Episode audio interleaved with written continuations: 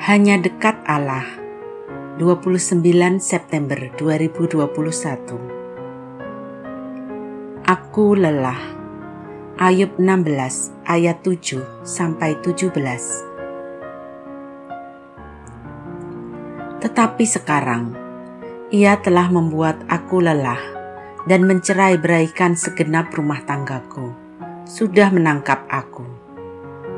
Inilah yang menjadi saksi. Kekurusanku telah bangkit menuduh aku.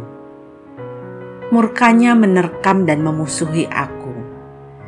Ia menggertakkan giginya terhadap aku. Lawanku memandang aku dengan mata yang berapi-api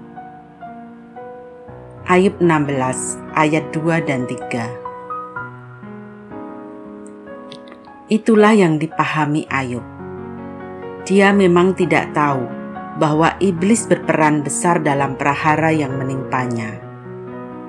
Namun, karena dia memahami bahwa Allah Maha Kuasa dan membiarkan bencana menimpanya, Ayub menegaskan bahwa Yang Maha Tinggi telah membuatnya lelah.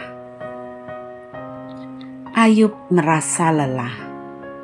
Lelah menanggung bencana yang datang bertubi-tubi. Harta musnah, anak hilang, istri yang menyindir karena ketiadaan pemahaman, plus sahabat yang memaksa dia untuk mengakui kesalahan yang tidak pernah dibuatnya. Mungkin karena punya banyak pengetahuan tentang Allah, para sahabat itu mengambil langkah berbeda dibandingkan istri Ayub. Istri Ayub sekali bicara, langsung diam ketika Ayub menegurnya.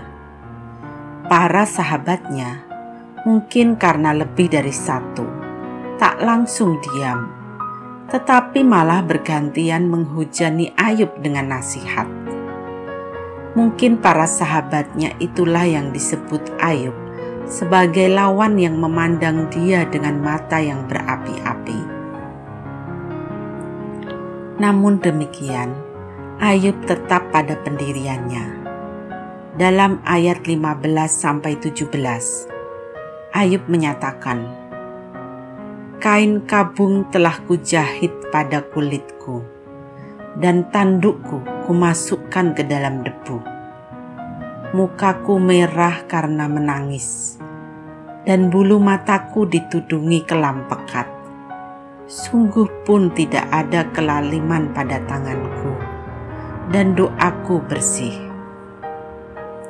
Ya, Ayub tetap menyatakan tak ada kejahatan yang diperbuatnya, dan doanya pun bersih. Salam semangat dari kami, literatur perkantas nasional, sahabat Anda bertumbuh.